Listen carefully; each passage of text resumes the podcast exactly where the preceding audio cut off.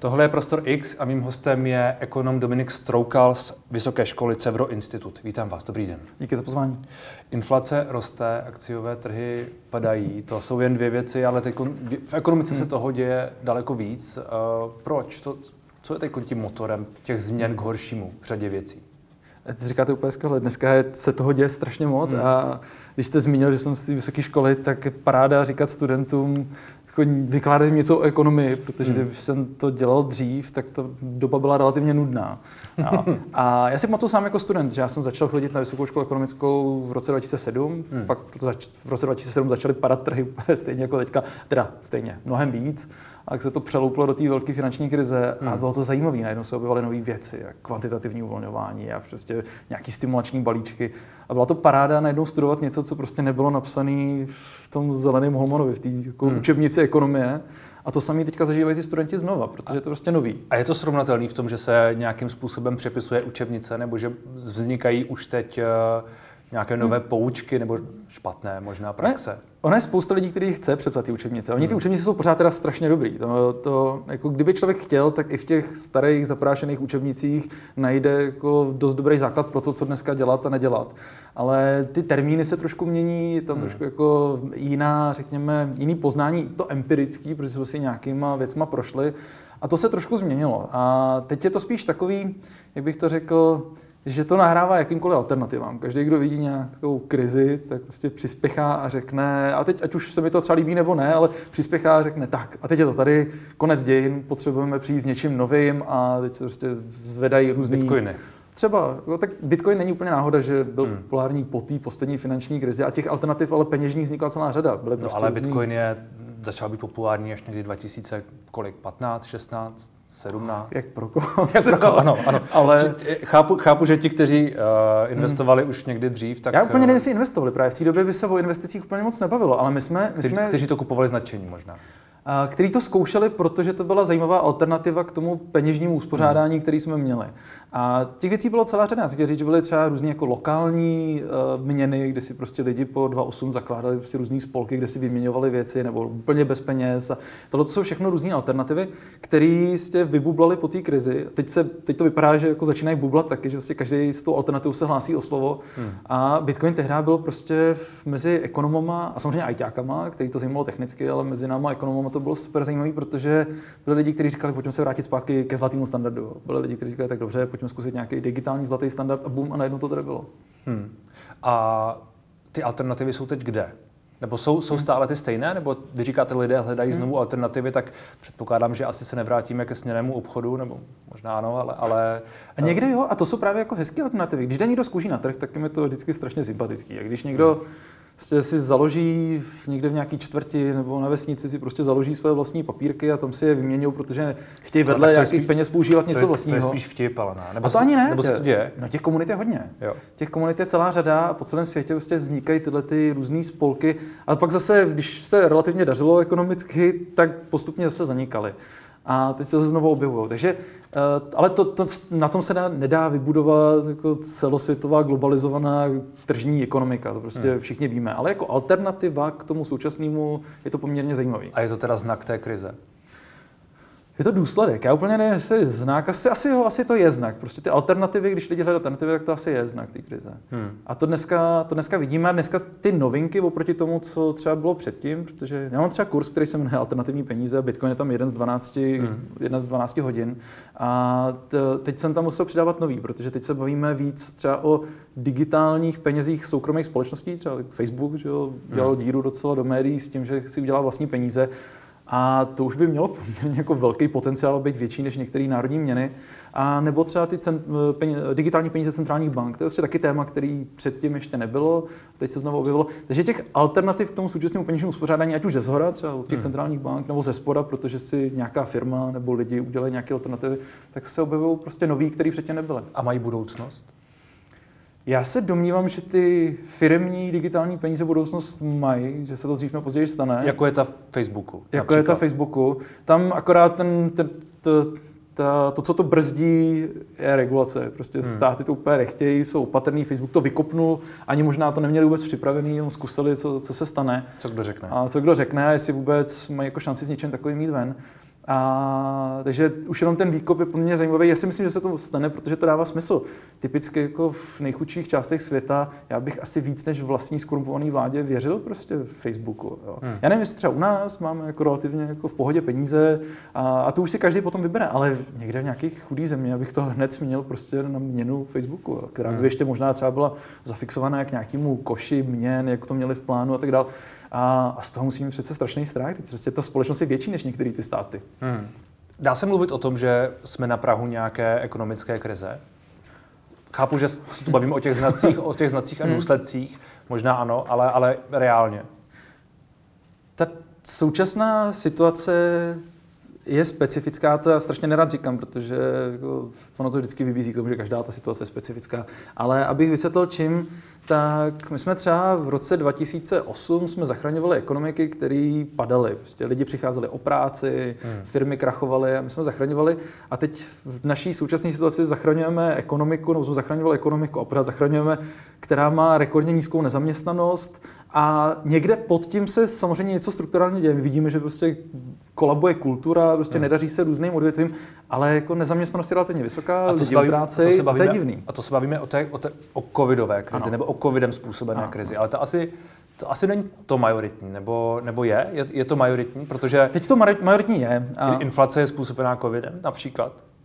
je způsobená důsledkama covidu ve smyslu naší reakce, ať už hmm. měnový nebo měnové politiky nebo té fiskální vládní politiky na ten covid. To znamená, my jsme prostě, já to nemám rád to, ale prostě používá se to v ekonomii, jsme si otočili ty kohouty a pustili jsme peníze do té ekonomiky a akorát oproti tomu 2.8 prostě jsme nezachraňovali lidi, kteří by bývali byli, skončili na ulici, já to nepřeháním, ale prostě poslali jsme to i lidem, kteří pořád měli práci, hmm. pořád vydělávali a ty peníze se prostě začaly jako roztáčet v té ekonomice nejenom v investicích, ale i ve spotřebě začaly zvyšovat ceny. A tohle to se všechno nafouklo a teď, teď řešíme, co s tím. Protože potřebujeme bojovat proti té inflaci a zároveň si tím schazujeme trhy. Je to taková docela divoká situace. Ano, to se bavíme o České republice a bavíme se třeba i o Spojených státech. Bavíme se zejména o Spojených státech. V Čechách hmm. A v Čechách je to takový jednodušší v tom, že my úplně neschodíme finanční trhy tím, hmm. že zvedneme úrokové sazby.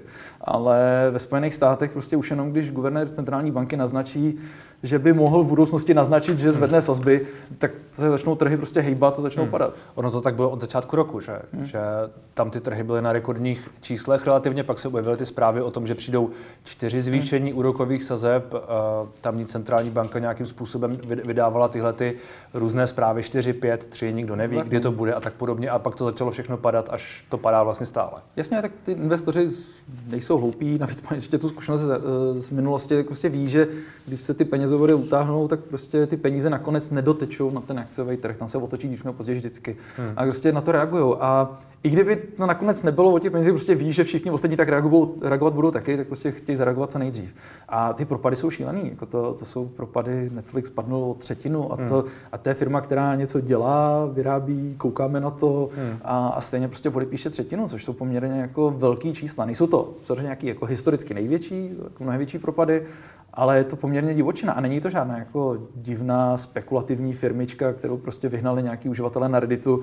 Prostě velká etablovaná firma stejně schopná odepsat třetinu. Hmm. A v čem je tedy ten největší problém? Dá se to, dá se to pojmenovat? Dá se říct jedna věc, která teď by nás měla nejvíc trápit? Uh, Dá, že jsou to peníze a způsob, jakým ty peníze vytváříme a spravujeme. Jsem o tom bytostně přesvědčený. Já nejsem jediný, to je jako napříč všema ekonomickými školama, směrama lidi ví, že ty peníze jsou brutálně důležitý a tím nemyslím mít peníze a utrácet je, ale, ale peníze jako systém, něco, co prochází všema těma trhama a my máme prostě ty centrální banky, které mají ze zákona z ústav něco dělat, musí to dělat, jinak bychom se s tím mohli soudit. A prostě tahle ta měnová politika v té současné situaci je zvláštní, protože to není to, co je v roce 2008. Oni prostě museli zareagovat tak, jak zareagovali, prostě to učebnicově. Museli, ale... zare, museli, museli zareagovat tím zvyšováním úrokových sazeb, jako to Ještě předtím třeba... naopak jako snižováním a hmm. rozpohybováním té ekonomiky museli, ale prostě probudilo to v inflaci. To se dřív nebo později by se to muselo stát, a nebo prostě já si to nedokážu moc představit, nebo by to muselo trvat fakt jako strašně dlouho a propsat se to v nějakém dlouhém období do cen, jako, ale to se nestalo, bylo to prostě rychlý, inflace vyskočila a oni teďka musí zareagovat. Prostě, kdyby to neudělali, ať už v té Americe nebo u nás, tak jdou prostě proti vlastní, vlastní a často i ústavám a zákonům, hmm. jako je to u nás. A když říkáte, že největší problém jsou peníze, tak, tak, tak to znamená, že největší problém je, jak, eh, jak lehce jsou dostupné, nebo jak eh, No to už jako by bylo mají... víc filozofický, ale ten způsob, jakým ty peníze vytváříme a jakým způsobem potom hmm. teče do té ekonomiky. A když to úplně jako zjednoduším, tak my, a to zase není jako žádný tajemství, ale a, tak prostě ty peníze dneska vzniknou tak, že si člověk vezme úvěr. U nás zhruba polovina peněz vznikne, takže si vezmeme hypoteční úvěr. Teď ty peníze natečou jako z hypoték rovnou do nemovitostí, pak jsme všichni v šoku, že rostou ceny nemovitostí, říkáme, čím to je. Hmm. A, a svádíme to na všechny maličkosti, ale prostě nejenom na to, že prostě polovinu peněz, které vytváříme, vytváříme skrze hypotéky. Z těch nemovitostí, když to prostě člověk koupí od nějaký realitní společnosti, jak to, jako co udělá, tak nakoupí buď další nemovitosti, nebo to zainvestuje, teď to oteče na ty, eh, na ty akcie. A normální člověk na fixním mzdě, tomu akorát zdražili všechny věci kolem, ale má pořád stejnou mzdu a bezosové a další bohatý lidi, kteří prostě jejich bohatství se skládá z akcí a z nemovitostí, no tak těm se nafoukli prostě jejich hmm. bohatství nahoru a my se na to koukáme a říkáme, hele, tady je nějaká nerovnost a pak to řešíme podivně prostě nějakýma jako politickýma, politickýma věcma. To je, to je celý jenom způsob, jakým vznikají peníze. A my to víme, jo? A teď říkáme, dobře, tak vytvoříme ten systém politický potom tak, aby to, aby to krotil. Budeme zdaňovat i bohatý, budeme to dávat těm chudým, protože víme, že to tak funguje. Pak ale zjistíme, že se, jako, ty bohatí často jsou schopni skorumpovat vládu a tak dále. Ale všechno to prostě plyne z toho, jakým způsobem vytváříme peníze. Já teď nevím, jestli se to dá udělat líp, ale fascinuje mě, že jsou lidi, kteří jste nad tím nemávli rukou a řekli, pojďme hledat alternativu. Ať už ty malý lokální, hmm. což je mi sympatický, anebo prostě ty velký celý říkají, pojďme mít krypto a pojede na tom celý svět, hmm. když je to třeba možná dneska blbost. Peníze jsou tedy příliš jednoduché a bohatší se stávají bohatšími. Jsou to takové jako dvě, dvě, dvě zjednodušení, které platí. Já jenom jako přemýšlím, jak jako fakt jako zjednodušit úplně, úplně možná až moc to, to co hmm. říkáte. No způsob, jakým dneska snadno vzniknou peníze tím, že si hmm. prostě vezmu úvěr, tak zvyšuje nerovnost. Prostě otevírá ty nůžky, o to je pravda. A co s tím můžeme my všichni dělat? Co bychom měli dělat? Co bych měl dělat já? Je těžký, no. A kdybych byl, kdybych byl takový ten twitterový pravičák, tak bych řekl, musíš být bohatý. musíš se narodit bohatý. No jasně, když se člověk narodí bohatý, jak to má vyřešený. Ale um, samozřejmě to je jako to, to, to, bídná odpověď, ale do jisté míry je pravdivá. Prostě jako člověk se jako může snažit dostat se na tu stranu, která je prostě v tomhle podivném systému to jako vítězná. Že? Ale, ale systematicky to nic neřeší. Systematicky je prostě tohleto problém. A teď to už to bylo nadlouho, ale my ho prostě násobíme jako školstvím, kdy prostě hmm. taky replikujeme nerovnost prostě už jenom tím, že prostě bohatý rodiče s vysokou školou mají prostě děti, které mají taky vysokou školu a budou svít bohatý. Prostě ty, ty vstupní uh, ty, ty vstupy potom replikují úplně stejné výstupy, přestože do toho dáváme strašně moc úsilí a peněz. A, a tohle to všechno prostě jsou jako drobnosti, ale u těch peněz mně osobně prostě by přišlo, že aspoň aspoň jsme se jako mohli zamyslet nad tím, a, a já nevím, jestli máme lepší systém, jo, ale ale zamyslet se nad tím, že to není nic neměnného. Že prostě současný peněžní uspořádání je poměrně nový. Se tady bavíme jako v tom nejhrubším o nějakých 50 letech experimentu bez hmm. zlata a jako v tom současném systému cílování inflace, tak jak to děláme, eh, se bavíme jako o pár desítkách let, což jako, co jsou naše životy, to není jako nic neměnného. A možná hmm. se to prostě změní a to už je potom na ekonomech a na nějaký veřejné debatě a to, to, to, samozřejmě je něco, co mě baví, sleduju a nevím, jestli úplně bychom to zvládli popsat tady. No. no mě by zajímalo, jaké alternativy teda jsou v tuhle chvíli. Tak buď se dá to úplně celý spálit, schodit ze zemí a prostě zkusit vymyslet něco nového. A se nezdá pravděpodobné. Já si nemyslím, že to je úplně pravděpodobný, i když ty debaty mám rád. Hmm. A vlastně to, jako, vždycky mě bavily ty jako celý systémový debaty, vlastně, jestli by tenhle nebo tenhle nějaký jako výsledný model byl hezčí nebo ne. Ale, ale pak se to dá zaplatovat. No. A tam, tam je to otázka. Tam právě se řeší teďka spousta věcí. Dá se to zazaplatovat třeba těma jako penězma centrálních bank, anebo ne. Hmm. Jo, můžeme mít prostě jako novými měnami.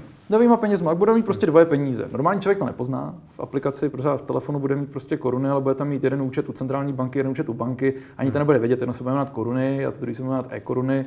A, a budeme mít prostě najednou nějakou další měnu, kterou normální uživatel nepozná žádný rozdíl, ale v pozadí se bude dít něco, co dokáže ten systém záplatovat.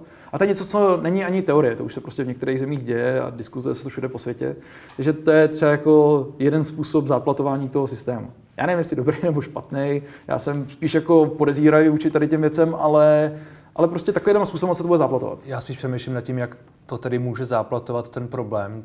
Mm, jak může záplatovat ten problém jenom to, že budu mít místo jedné měny dvě měny a že ta druhá bude ještě hmm. v pozadí tedy dělat něco v rámci té centrální banky například. A, protože se tam dá potom trošku poštelovat, ne, ale potom se dá poštelovat trošku nějaký jako pravidla, co člověk třeba s těma penězma může nebo nemůže dělat, nebo se tam dá dát třeba úrok. To znamená, teďka hodně všichni utrácíme, hmm. inflace roste, bojíme se, že poroste ještě víc, tak o to víc utrácíme, roztáčíme nějakou spirálu a teď centrální banky, včetně té naší, se snaží do toho hodit vidle a říct nám, jako my jsme schopni tu inflaci skrotit. A udělají to třeba i tak šokujícím způsobem, jako to dělali v minulém roce, že zvednou sazby mnohem víc, než všichni čekali. A možná, nevím, jestli člověk si stáne osvědomí, já jsem si třeba řekl, OK, oni to fakt asi možná zvládnou hmm. a trošku nám sníží to inflační očekávání. A kdyby hmm. se jim to nedařilo, tak kdyby měli nějaký účet, který máme všichni otevřený, tak tam řeknou, dobrý, tak na tenhle ten účet vám do jednoho milionu nebo do 200 tisíc, prostě si s tím můžu trošku hrát, budeme úročit všechno 10%. Hmm. Tak tam prostě ty peníze stáhneme a nebudeme tolik utrácet. Hmm. A, a, už se tam prostě dá trošku s něčím hrát. Jako ty úplně utopické scénáře, které teda ale nejsou utopické, to pořád jako ekonomická teorie jsou, jako, že na tom tady ty peníze třeba jako zakážou utrácet za spotřební věci nebo zakážou investovat, prostě si s tím trošku pohrajem. Ale v tom základním modelu už jenom úrok dokáže prostě nějaký ty peníze stáhnout. Hmm. A ta centrální banka to nedokáže přikázat naší bance, který máme účet, aby nám zvedla úroky na 10%, protože to je normálně firma. Ale ona to udělat může. Já musím říct, že jak, jak o tom mluvíte, tak jako mě trochu zní, jak kdyby to byla prostě jenom, jenom hra. Že je potřeba nastavit ty pravidla, pak vlastně někomu jako něco nějak, nějak ho namotivujeme tím, že mu něco nějak jako uh, úročíme a vlastně mu tam jako připíšeme nějakou nulu, ale když budeme chtít, tak mu ji zase umažeme, a, aby byl nějak jako motivovaný. A to je, to je to, proč jsem vůči tomu podezíravý, protože si myslím, že to jako není systematické řešení, hmm. je to hmm. nějaký zaplatování a je to hra, je to, je to děsivá hra, kdy prostě, když se lidi nějak ve svobodném světě rozhodují a utrácejí, protože mají nějaké očekávání za věci, tak říkám, hele ne, a zkusíme jako omezit to utrácení, protože prostě máme možnost si hrát za jejich penězma. Hmm. Um, přijde mi to docela divoký a Adam Smith říkal, že prostě si jako hrajeme s lidma, jak s, s těma figurkama na šachovnici a lidi nejsou figurky na šachovnici a potom se to vždycky nějak zvrtne, protože hmm. jako ty centrální plánovači, když to vezmu úplně jako do toho extrému, tak ty měli vždycky pocit, že vlastně ty lidi jsou schopni jako nějakým způsobem seřadit tak na té Spartakiádě a hmm. budou dělat to co, to, co si v centru naplánujou a pak se jim to rozsype, protože oni si ty lidi dělají tak nějak, co chtějí. A tohle je samozřejmě mnohem, mnohem, mnohem menší, ale je to prostě nějaká snaha prostě jako říct lidem, co mají dělat se svýma penězma. Nevím, určitě to nějaký vliv bude mít, jinak by se to nedělalo, ale, ale dlouhodobě to podle mě není řešení toho problému. Hmm. A co je, to já nevím. Jako já jsem jeden z těch fanoušků, těch, z těch staromilců, který si myslí, že jako návrat k nějakému zlatu, nebo klidně něčemu digitálnímu. Ať to, a co by to, to, nebo není, to... prostě, aby tam někde v tom systému bylo něco... Co by znamenalo návrat, návrat ke zlatu? No, to, to, asi by to ani nešlo dneska, no, ale... Uh, Jste fanoušek něčeho, co by ani nešlo dneska. ale to je těžký, no. A já jsem fanoušek spousty věcí, které by nešly. A prostě máme nějaký ideály, ale hmm. Uh, jako bylo by to těžké, zase udělalo by to obrovskou nerovnost, protože lidi, na světě jsou lidi, kteří nemají žádný zlato, lidi, kteří ho mají hodně a vlastně už jenom tenhle ten fakt by prostě teďka najednou jako spoustě lidem přidal spoustu peněz. Hmm. A to, to, je něco, co by se muselo nějak řešit, nevím jak, násilím, jako skonfiskovat zlato, jako se to dělalo dřív. Hmm. A pak teprve jako přejít na nějaký zlatý standard. Je to divočina. V Americe se jako kdysi uvažovalo, že by se vzalo to zlato, co tam mají nebo nemají v tom Fort Knoxu a, a rozdalo se lidem podobným způsobem, jako tady u nás byla privatizace, že se prostě rozdali nějaký kupony na zlato a kdo jich se sbírá 10, tak dostane jednu zlatou cihlu nebo něco podobného. A jako, jsou, jsou různý modely, kdy na těm lidi vážně přemýšleli, jak by to udělali, aby to co nejméně bolelo. Ale bolelo by to, no. je to prostě hmm. jako obrovská změna. A realita asi bude spíš taková, že tedy všichni se budou snažit nějakým způsobem doufat, že to zvyšování úrokových sazeb co nejdřív tu inflaci stlačí, jo. aby mohly být zase uvolněny dřív, než uh, akciové trhy a další trhy spadnou příliš hluboko, aby mohlo všechno zase růst a pokračovat tak, jak to pokračovalo. Čili... A dneska, dneska už to ani nestojí na těch sazbách. Prostě ve Spojených státech, když přišla teďka ta poslední recese, přišel covid, tak jako bylo ještě trošičku kam snižovat sazby, ale už úplně moc ne. Hmm. U nás bylo, protože jsme předtím jsme to zvyš, jsme sazby zvyšovali, eurozóna nezvýšila sazby už 10 let, tak prostě tam se tam, tam jako nebylo kam jít, takže se musí zapínat už nové věci, které dneska už nejsou úplně nové, protože se začaly zapínat v roce 2008 a v Japonsku ještě dřív, ale vlastně třeba typicky právě to kvantitativní uvolňování, který jsem hmm. zmínil. Takže my už používáme nějaký další nástroje, které se staly standardem a dneska jsou mnohem možná důležitější v některých zemích, než u nás to neděláme, ale třeba ve Spojených státech, v eurozóně, než sazby. Tam prostě o sazbách nikdo moc nepřemýšlí, takže už jenom jako vypínání, zapínání, kvantitativní uvolňování. A když k tomu přidáme ještě další nástroje, třeba ty centrální, eh, teda ty digitální peníze centrálních bank, ne to v angličtině se když to konec vždycky říkám obráceně, ale Uh, tak tam, když prostě budeme tyhle ty nástroje, tak se budou vždycky jako zapínat, vypínat a my jsme se odpoutali od toho, že bychom měli jenom tu úrokovou sazbu, což hmm. ten systém jako podle mě dokáže udržet ještě jako na zahranici mého života. Jasně. Eh, klimatická změna přijde, jak to stejně všechno vyřeší. Um, kvantitativní uvolňování tisknutí peněz, to je, to je jako, dá se tam dát rovnítko, nebo jak to vysvětlit lidem? Nedá a ekonomy to jako takhle vždycky se z toho klepou, protože to vlastně tištění peněz není. Ale, ale je to obtížná disciplína to jako vysvětlit, aniž by člověk tenhle, ten, tuhle tu floskuli nepoužil. Protože ani centrální banky nakoupí nějaký aktiva, ale centrální banky nedokážou nakupovat aktiva ode mě. Jako, já hmm. mám nějaké akce, ale nikdy životě mi nezakupila centrální banka. státu nebo hypoték. No, ale ty zase jako nenakupují ode mě, ty nenakupují hmm. od, od vás, oni prostě musí koupit od institucí, kterým mají ten otevřený kanál, což jsou banky. Takže oni jediný, co udělají, je, že vytvoří něco, čemu říkáme v teorii likvidita nebo v rezervy, můžeme říct, a prostě nakoupí nějaký reální aktiva za tyhle ty nově vytvořený peníze a tam prostě jsou ty uvozovky, protože to nejsou peníze. To není nic, za co by se hmm. utrácelo. To nejsou peníze, které by potom v té ekonomice zvyšovaly ceny banánů a aut, protože ty banky najednou prostě jsme viděli, že sedí na strašně moc penězích a teď ty peníze čekají na to, až my tam přijdeme, vezmeme si tu hypotéku. A to prostě je, je realita Japonska už prostě 30 let, že ty banky se naperou tohletou likviditou, my bychom mohli říkat tištění peněz, ale ono to nemá stejný vliv, jako kdyby jsme vzali, vytiskli peníze a hodili je na lidi. Že lidi by pak utratili a to by způsobilo tu inflaci. Hmm. My jsme vytiskli peníze, ale ty v uvozovkách, nadspali jsme banky tou likviditou a nic. Teď se to rozpohybovalo, protože když přišel covid, tak prostě ty peníze začaly z těch účtů téct, protože jsme prostě si nabrali úvěry na všechno, aby jsme zachránili prostě naše podnikání, a protože prostě se srazily dolů sazby a protože jako lidi měli nějaké očekávání, tak těch peněz vyteklo ven dost. Hmm. Ale, ale předtím jsme prostě tady jako pět let ve světě se zápasilo s tím, jak ty peníze z těch bank dostat ven. Hmm. A, takže jako tištění peněz to úplně není. Je to prostě nákup aktiv od bank za nějakou likviditu, která se potom ve výsledku může na ten, na ten trh dostat, ale ten proces je mnohem složitější. Stojí to aparát na tom, jestli si vezmete úvěr nebo nevezmete úvěr.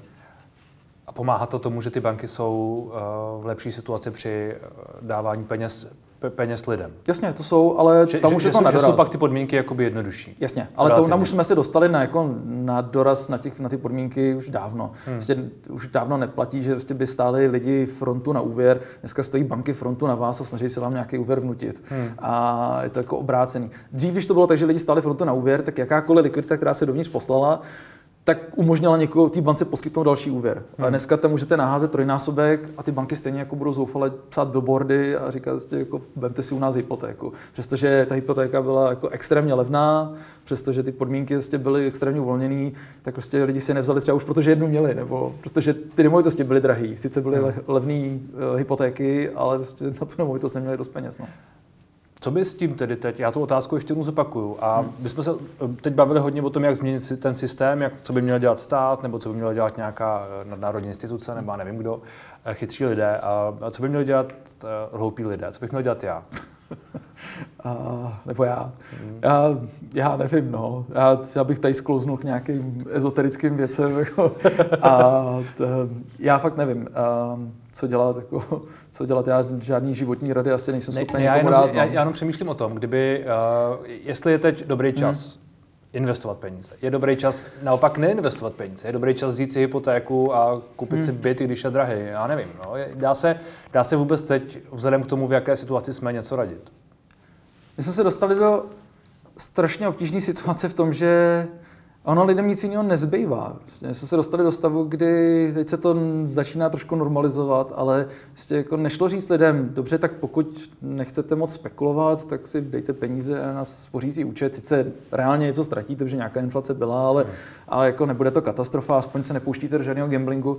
Ale jsme se dostali do situace, kdy lidi se jako bránili prostě vysoké inflaci a při nulových úrocích na spořících účtech prostě museli jít do nějakého rizika. Hmm. A, a to se propsalo na všechny trhy. To už to nebylo tak jako kupte si nemovitost a pronejmejte ji. I tam ty výnosy prostě spadly relativně k nule. Prostě už to není jako to bývalo dřív, že se to z toho zaplatí hypotéka nebo něco takového. Už to nebylo prostě jako kupte si akcie a vy dostanete dividendy. Prostě je to, najděte si akcie, která poroste. A se sledujte procenta, buďte jako hmm. spekulanti.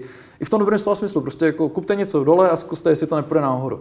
A to prostě není pro každýho. A mě, hmm. to, mě to trápí, protože jako, i pro mě je to poměrně jako psychický, psychická zátěž, já bych to měl rád jednoduchý hmm. a jako moc to neřešil. A člověk musí, prostě, aby se ubránil, tak musí spekulovat a to prostě není úplně pro každýho. A já, já nevím, jako co člověku poradit mimo toho, že musí, ale to je takový moudro, co vám řekne každý tele, televizní ekonom, řekne, musíte investovat, nic vám nezbývá. No, ale, ale jako jsou tady lidi, kteří to bolí, že jo? To teď, to teď uh, zní ze spousty různých úst v různých, hmm. v různých pořadech a zdá se to být jako takový ten lé, lék na všechno. Dobře investujte, ideálně furt až, až to a za, za, za 10 let, za 20 let budete jakoby bohatí. Nebo ne bohatí, budete bohatší a nějakým způsobem vyřešíte ten problém, který tu teď je. No a ono to univerzálně platí, ale říkám, jako není to pro každého. Jsou prostě lidi, kteří jsou, kteří vyhledávají riziko, a jsou lidi, kteří jsou tak riziko averzní, že prostě si to zašou do, pol, do, do polštáře a jsou spokojenější, než i když, tím, i když víš, že to reálně něco ztrácí, no, ale, protože prostě nechtějí do ale, toho. Ale pokud člověk no. tohleto, tohleto riziko nepřijme, no. tak, tak reálně tratí, protože jinou alternativu nemá. No dobře, ale dokud reálně tratil prostě jako 2%, tak s tím byl možná nějak smířený, ale když bude reálně tratit teďka 6, 8, 8, 8 hmm. tak to už to, to jako nejde. Tam už prostě to, tam bude mít polovinu z těch peněz tak strašně rychle, že to před sebou vidí a už to není jako v chvíli vydržím a pak to předám vnoučatům, sice to nebude tolik, ale aspoň hmm. jsem si jistá tím, že to tam bude. Hmm. A, a, tak to mají prostě starší lidi, tak to jako nemá úplně každý vhled do finančních trhů, aby byl schopný ani neví jako kudy, jak. A, a říct prostě takhle jako investujte, strašně těžký, ale zase dodávám to B, ono to prostě dneska jinak nejde. Ono prostě jako lepší radu nemáme, ale to není, to není jako naše chyba nebo chyba těch lidí. To je prostě tak funguje ten dnešní měnový systém. A to je hmm. jeden z těch jeho nákladů, že prostě lidi se musí jako hnát do spekulací. No. Hmm. Pak je asi na místě bavit se znovu o tom, jestli by ten systém neměl být nějak změněn. No, a to se vracíme a to zpátky se, to, se bavíme, jak, no. to se bavíme zpátky k těm, hmm. uh, nevím, kdybych měl možná alternativu nějaké bankovní, bankovní měny, hmm. tak bych to tam prostě dal a měl bych, měl bych vystaráno do jisté Jo, tímhle tím se to možná trošku zazápletuje, no. Tak prostě hmm. budou tady banky, které, bude tady centrální banka, která bude prostě poskytovat nějaký úrok a je to přijde zvláštní. Už jenom kvůli tomu, že prostě jako bude dělat konkurenci nějakým jako, jaký soukromý firmě, nějaký bance, která si to nemůže dovolit. Hmm. Centrální banka to může klidně dělat, a může jít do ztráty, jak chce, ta hmm. neskrachuje, ale ta banka nemůže. A teď si budou konkurovat. Já ani nevím, jestli by to u nás bylo legální, ale to je, a to, samozřejmě to jsou zase ty záplaty. To by do nějaké chvíle by to asi ten problém nám řešilo. No. Hmm. A ten systém jako takový je, je udržitelný dlouhodobě? Jo. Jako, i ten nejhorší Chápu, že na, možný, na naše životy ano. Jasně, i ten, i ten nejhorší možný systém, který si člověk dokáže představit, nějakou jako totálně centrálně plánovanou totalitní společnost, tady byl schopný vydržet 40 let hmm. a, a tohleto, tyhle ty malé jako problémy toho systému, který tady máme, tak jako já nevím, to, to může být 400 let a ani bych se tomu nedivil, hmm. jestli dokázal tam ten systém tady vydržet 40 let. A a jako, a teď budu tahaný za slovo, ale, ale nebylo to prostě, jak by předpokládali ekonomové, že jako druhý den to tady vybouchlo a všichni jsme umřeli hladem. Prostě hmm. ten život nějak jako pokračoval, byl tady nějaký ekonomický růst, prostě jo, bylo to bída. A při nejhorším ale, alternativy. Ale, ale prostě vydrželo se to 40 let. A teďka já, já fandím, já jsem trošku optimista v tom, že já fandím tomu, že prostě se to celý nějak jako obejde bokem, že prostě i to mi připadá fascinující třeba na, na těch, na, na Bitcoinu a na nějakých hmm. jako dalších kryptoalternativách, přestože mi připadá, že kolem toho jako strašně moc buzzwordů a nesmyslů, ale už jenom ta snaha jako obejít ten systém, prostě nevyhovuje nám, jak fungují peníze, tak prostě pojďme najít, pojďme to nesnažit se jako zazáplatovat, pojďme to obejít ten systém. Hmm. Nevyhovuje nám, jak funguje, já nevím, třeba jako vlastnický, duš, právo duševního vlastnictví, prostě to je velká debata dlouhou dobu a teď prostě než se domůžeme nějaký změny legislativní a pořád se budeme hádat po celém světě, jak to jako udělat, no tak se to nějakým způsobem obejde, prostě lidi vymýšlejí nějaký digitální alternativy. A vzniknou NFT, strašně fajn. myslíte? To si myslím, že je strašná blbost, ale, ale líbí se mi, jako, že prostě nad tím někdo přemýšlí, že to zkoušej. Jo. Tohle to je podle mě kravina. Ale, ale, je, to, ale je v tom taky hodně peněz. V tom je hrozně peněz. Ale to je podle mě zase jako důsledek toho, že, čeho, že, se bavíme. Že, že, je moc peněz. No a že prostě jako se nedají zaparkovat rozumně a když už hmm. spekulovat, tak prostě jako proč bych měl spekulovat na něčem, když už teda jsem donucený hrát to kasíno, tak já nevím, já možná jsem jiný, ale, ale když jsem poprvé v životě a naposledy zkusil si vsadit prostě něco v ruletě, když jsem prostě byl v Las Vegas, koupil jsem tam jeden ten žeton, tak jsem ho tam jako nedal na, na černo. Tak když hmm. už si jako potřebuji vsadit, hmm. tak jsem to tam vsadil prostě na osmičku nebo na něco a doufal jsem, že to prostě vyjde nebo ne. Je to prostě jako jeden můj pokus, jestli se za svého života stanu bohatým nebo ne. Hmm. A tak já se nedivím prostě, že to, že to lidi zkouší. Je teďka, ještě vzpomenu, pardon, jsem byl na jedné přednášce v Brně a přišel za mnou student a říkal mi, já jsem jako totální uh, anarchista, já prostě jako tenhle systém nesnáším a, a říkám, OK, jako, proč ne? A, a, a, a on říkal, protože já vím, že v tomhle systému já nikdy nebudu prostě mít šanci být jako nadprůměrný, já nikdy nebudu slavný, já nikdy nebudu bohatý, já nikdy nebudu... Moje jediná šance je, že ten systém prostě schoří a nastane nějaký nový a tam možná. A já vím, že v tomhle ne, tak prostě jako já ho zkusím spálit. A byla tam paní učitelka, to byla jako strašně jako osvícená, tam mu říkala, jo, to je dobrý, to si myslí, dokud jsem mladý, pak na to nebudeš mít čas na tyhle myšlenky, ale, ale, ale jako vůbec mu to nerozmluval, říkal, jo, to je super, to je hezký, že na tím také přemýšlíte, ale, ale mě to trošku otevřelo oči, že fakt asi jako jo, no. Já a to, ty teďka jsou dost podobný, jistě. teď pocit, nebo nikdy. Takhle asi už přemýšlí jakoby spousta, spousta lidí. Já jsem teď a sledoval nějakou jako diskuzi okolo NFT v hudbě a okolo toho, okolo nějakých jako virtuálních metavers a e, okolo toho, jak tam probíhají nějaký koncerty a já tomu jako vlastně úplně hmm. nerozumím. Jo. Ale přišlo mi vlastně fascinující, že to jsou zjevně jako lidé, kteří se snaží právě nějak jako prosadit v něčem, co je jakoby pro ně nová, nová hmm. arena a nová prostě příležitost, protože tam jako nikde jinde vlastně nikoho moc nezajímají. A tady teď jsou vlastně první a jediný a můžou si to přenastavit a můžou tam být jako velký. No jasně. Tak a, a ještě na tom teda, a to je ta druhá jako věc, jako když tam něco koupím, tak to je moje jediná šance v životě, jak prostě koupit teď a udělat jako desetitisíci násobek hmm. během nějakých rozumných let, kdy ještě pořád budu mladý a budu si moc ty peníze užít. Hmm. Tak prostě do toho jdou střemhlav. Já se tomu v zásadě ani nedivím. Hmm. A zároveň tomu moc nevěříte. No, ne, prostě jsou tam jako fundamentální problémy, jako těch NFTček i toho metaverzu, prostě ono to nedává moc smysl, minimálně tak, jak to dneska vypadá. A to jsou jaké problémy? a tak třeba u těch NFTček jako se dají zmínit minimálně dva. Jeden je, že velice často, není to úplně 100% pravidlo, ale velice často prostě to, co člověk kupuje, eh, není ani žádný obrázek někde decentralizovaně uložený, ale jenom jako odkaz na nějaký obrázek někde Což možná dobrý, ale můj problém s tím je, že většina těch lidí si vážně jako myslí, že si koupila něco, co je magický a úplně není. Vlastně to, nikde si lidi neukládají jako bambiliony obrázků v hromadě terabajtů dat na, na počítači po celém světě, tak to by ani nedávalo moc smysl. To, co si ukládají, jsou nějaký odkazy na ty hmm. obrázky a ty obrázky potom někde vysí a velice často je potom někdo smaže a už tam ani nejsou a ty lidi s tím mají akorát doklad o tom, že kdysi utratili nějaký peníze za něco, co někde možná bylo, Což může mít nějakou cenu, má to, vlastně, to, může to být poutavý, může to mít hezký příběh, ale, ale nezni, ne, nevznikla tam žádná jako zásadní alternativa duševnímu vlastnictví, tak jako známe. A, a další problém, který s tím máme, je už minimálně ten, že, že vlastně dneska si člověk koupí ten obrázek na jednom blockchainu a hmm. na Etheru a pak si ho může koupit jako ten samý vedle jako na Solaně. Takže člověk, jako ten obrázek není už vzácný, ve smyslu je jenom jeden, ale jako je jeden na tom jednom daném chainu, že to je prostě, je to trošku divočina dneska, ale jsou lidi, kteří se snaží nějak vyřešit, já do toho za stolik nevidím, akorát to, co mi na tom vadí, je, že tam prostě se hodně mluví dneska o tom, jak je to magický, jak jsme vyřešili prostě duševní vlastnictví, jak jsme udělali prostě vzácnost obrázků, které jsou decentralizované po celém internetu. Ne, o minimálně zatím ne. Hmm.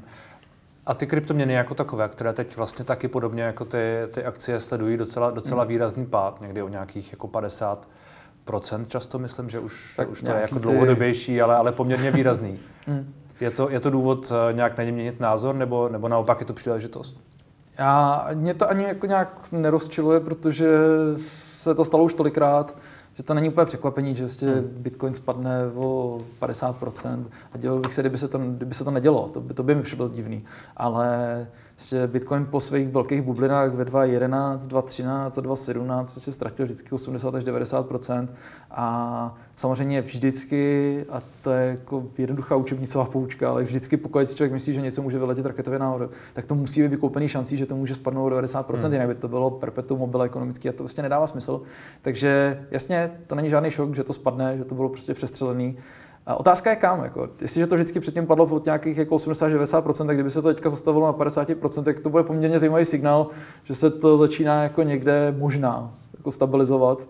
A což samozřejmě pořád divočina, 50% nahoru dolů. Ale připomeňme, že jako ten Netflix ztratil 33%, no to hmm. není od začátku roku. Bitcoin ztratil, ztratil od začátku roku 20, jakože to spousta, spousta, není zase tak divoký už. Spousta technologických firm, co jsem hmm. tak sledoval, ty, ty indexy, tak ztratila taky 50% a někdy, někdy i víc, čili ono to je možná trošku propojené, ale jako... Já dneska jako ty peníze zase utíkaly ze všeho zároveň, hmm. jo. A, ale Bitcoin je malý, ten je prostě tak malý, že jako každý milion, co tam nateče a oteče, tak prostě pohne s cenou. Že? Malý, ale energeticky náročný mimo jiné. A energeticky náročný. A těch problémů je tam, nebo problémů. Hmm.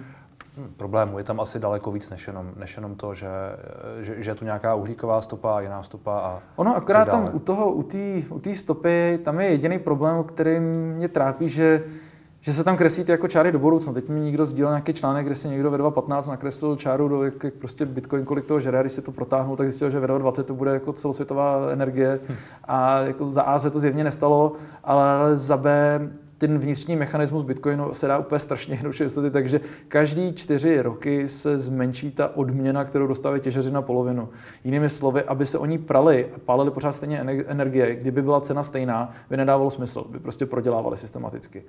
Jednoduchá matematika, každý čtyři roky ta odměna musí být dvojnásobná, uh, pardon, každý čtyři roky musí být uh, cena Bitcoinu dvojnásobná, hmm. aby ta poloviční odměna znamenala, že se bude pálit stejně energie. Hmm. A, a samozřejmě Bitcoinu se stalo přesně to, že ta cena rostla rychlejší než dvojnásobně každý čtyři roky. Prostě předehnala to půlení těch odměn a proto ta energetická náročnost rostla. Ale to, co se dneska diskutuje na té jako zajímavější části bitcoinové komunity, je, že my víme, že v budoucnosti se bude pálit naopak jako strašně málo. Dokonce jsou otazníky, jestli ne až tak málo, že by to ztratilo tu vlastnost magickou, tu nezměnitelnost, tenhle ten obrovský firewall, co Bitcoin má, tak prostě si se bude pálit málo?